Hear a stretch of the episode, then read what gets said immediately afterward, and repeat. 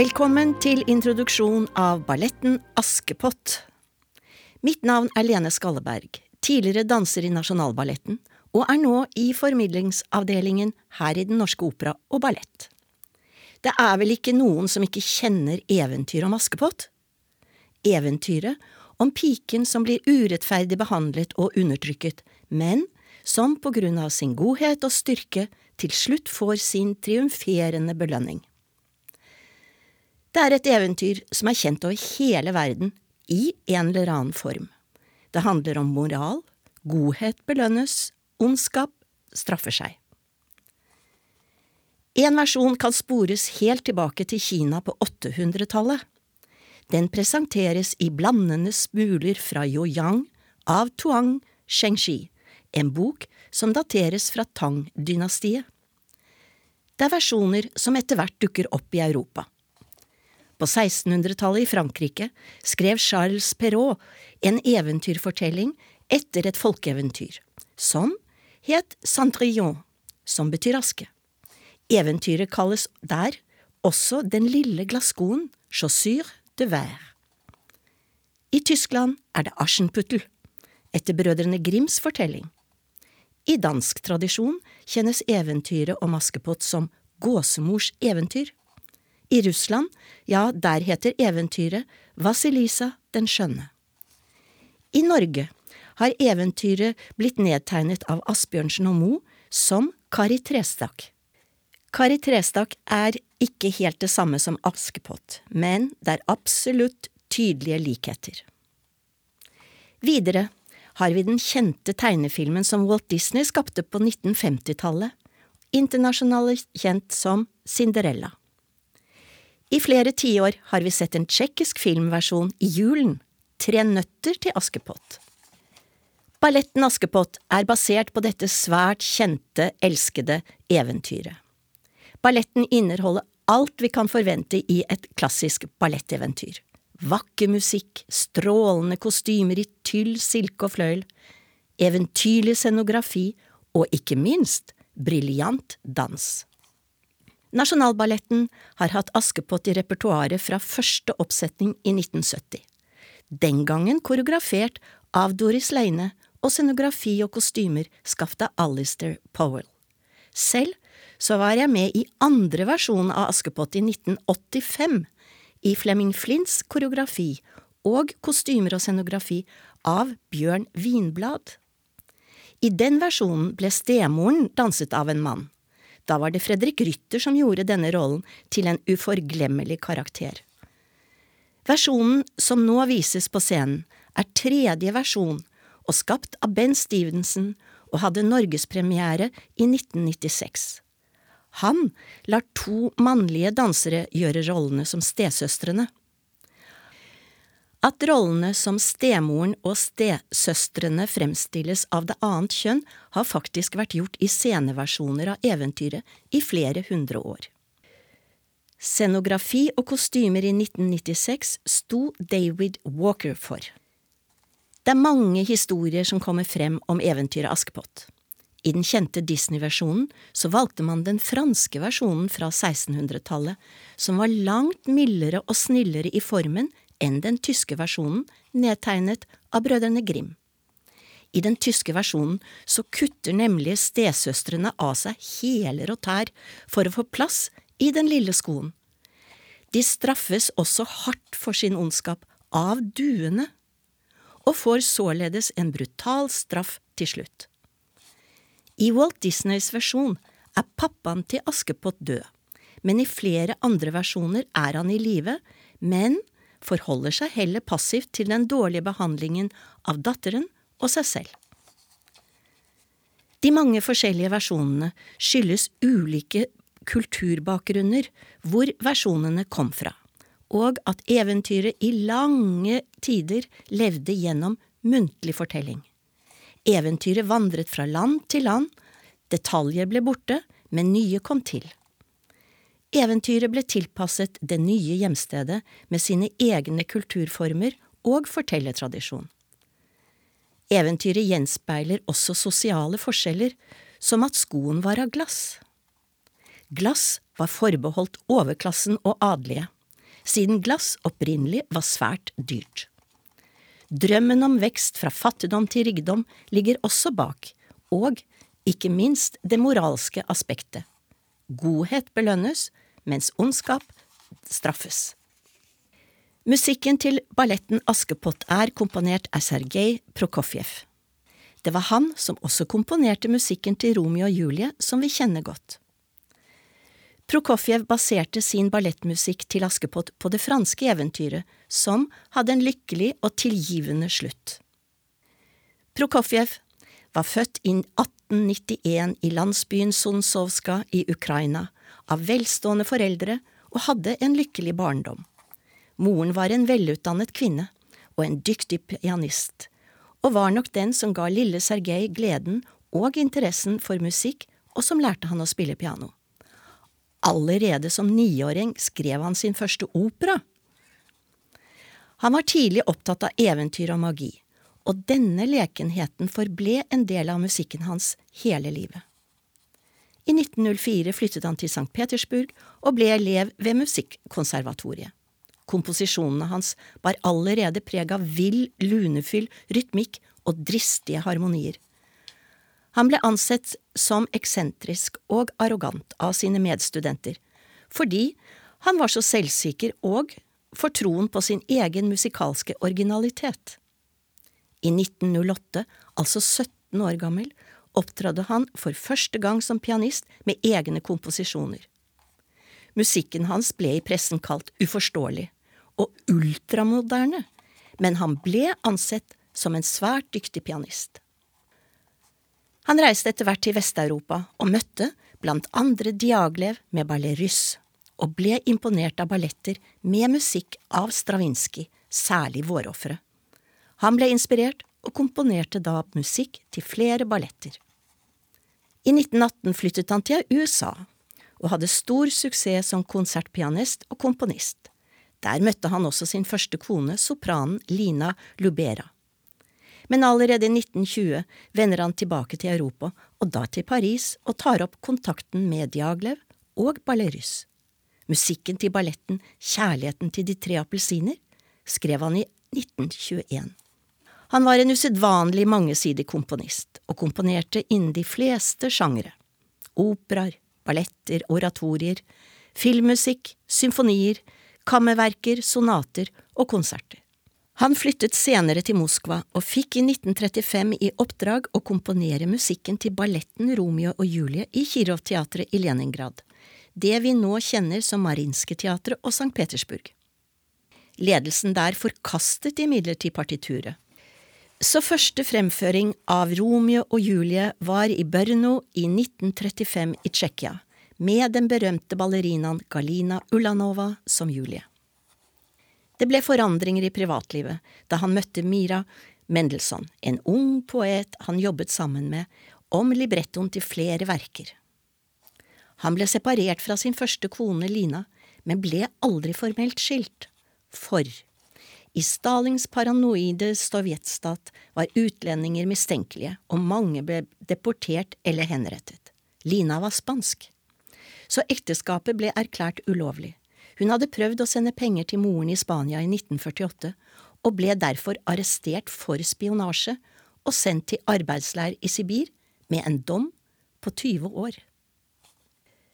Prokofjev oppdaget like etter sin tilbakekomst til Moskva i 1934 at de kulturpolitiske rammene i Sovjetunionen var langt trangere og mer lunefulle enn han hadde trodd og blitt forespeilet.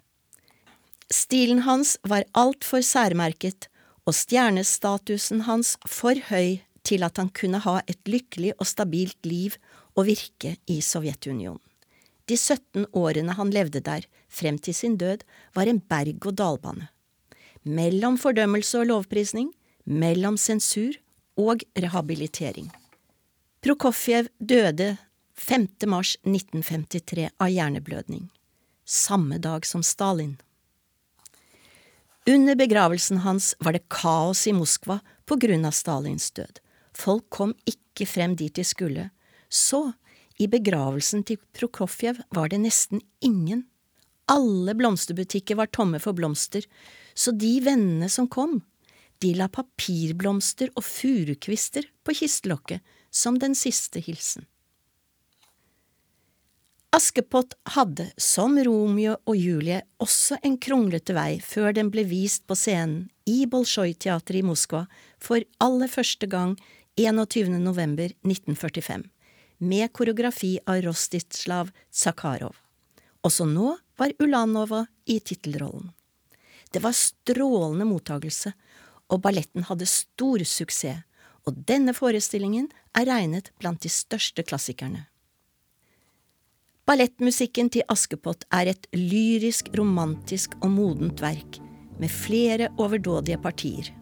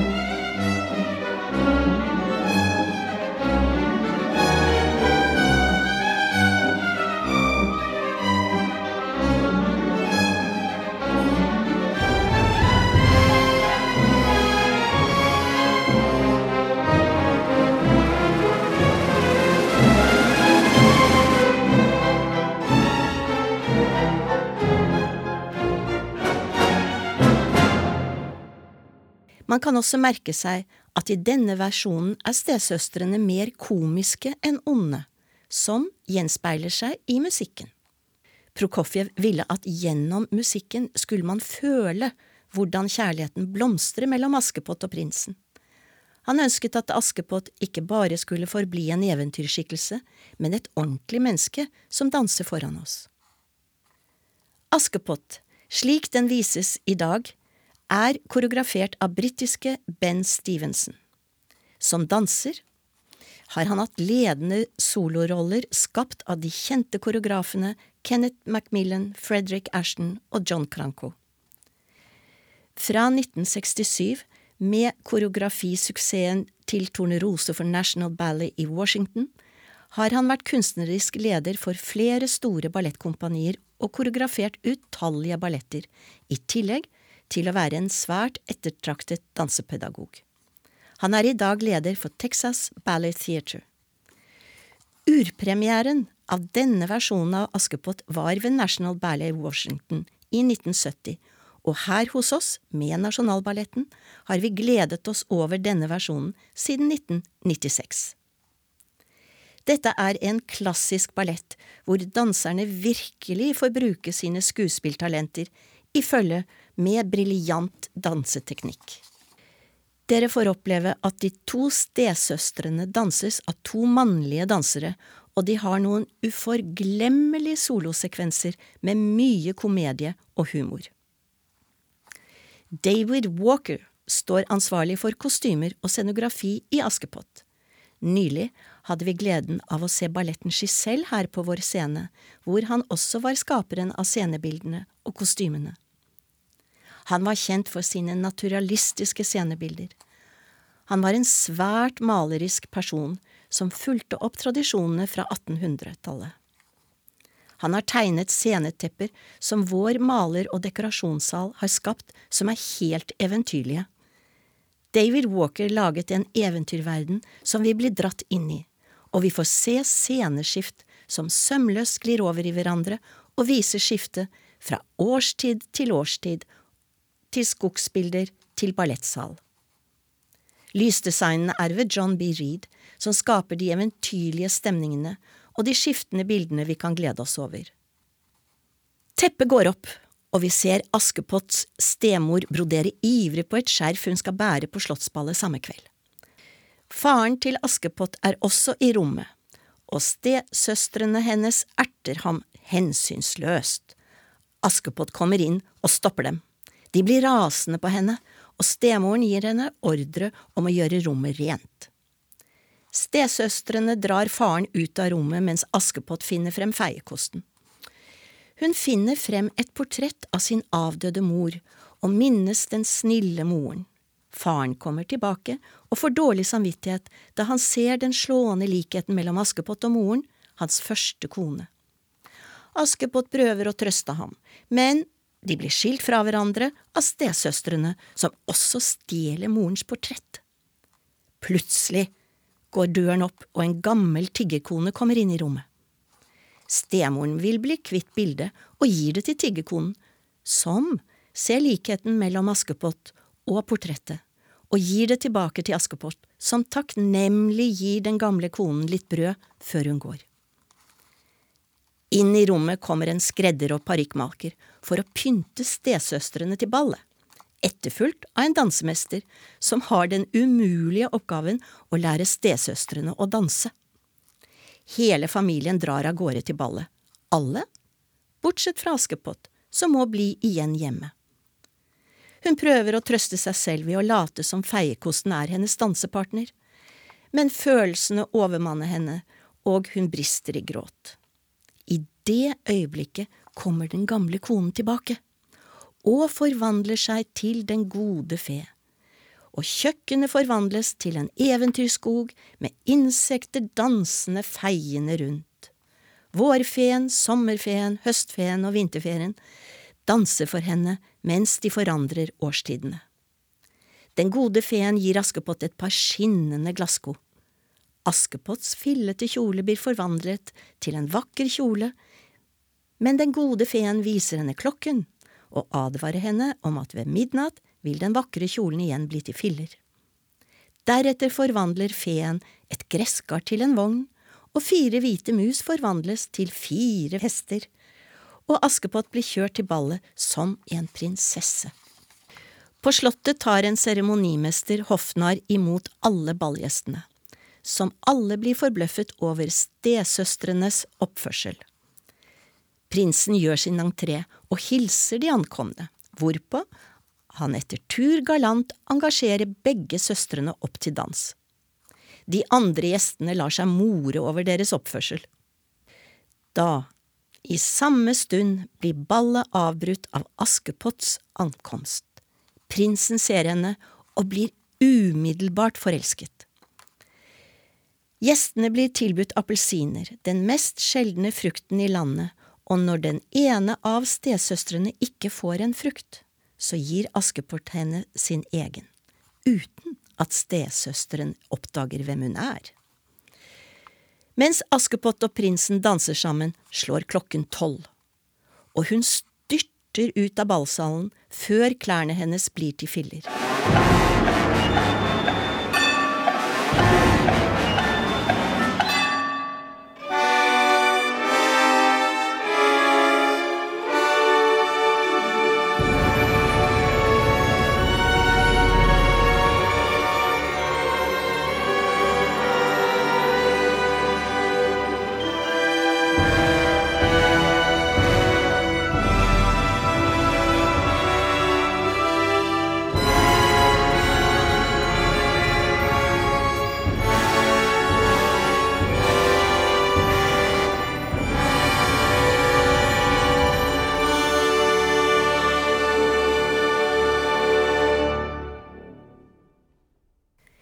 Prinsen klarer ikke å holde henne tilbake, men finner en av glasskoene hennes som hun har mistet under flukten.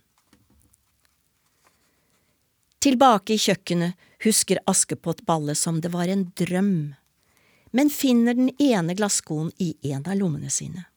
Raskt så gjemmer hun den idet stesøstrene kommer tilbake fra ballet og stolt viser frem appelsinene prinsen ga dem. Stemoren annonserer prinsens ankomst. Han kommer i følge med narren og hoffolkene for å lete etter eieren av glasskoen. Når prinsen etter hvert oppdager Askepott, som sjenert sitter ved peisen, ber han faren hennes om at også hun får prøve skoen. Idet hun går mot ham, faller den andre skoen ut av lommen. Prinsen blir overlykkelig for å ha funnet henne igjen, og ber henne om å gifte seg med ham. Askepott tilgir stemoren og stesøstrene for deres ondskap. Da prinsen gir glasskoen tilbake til den gode fe, forvandles kjøkkenet til en magisk lysning, hvor prinsen og Askepott danser en magisk duett. Alle feene kommer tilbake for å hilse den nye prinsessen på hennes forlovelsesdag.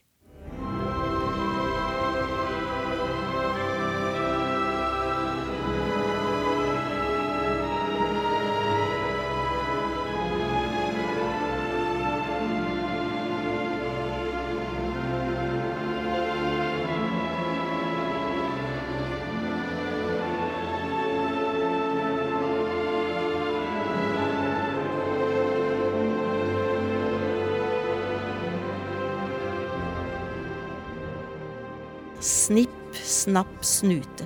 Eventyret er ute. Og jeg ønsker dere en riktig god og vakker opplevelse med denne forestillingen. Et eventyr med lykkelig slutt. Takk for meg.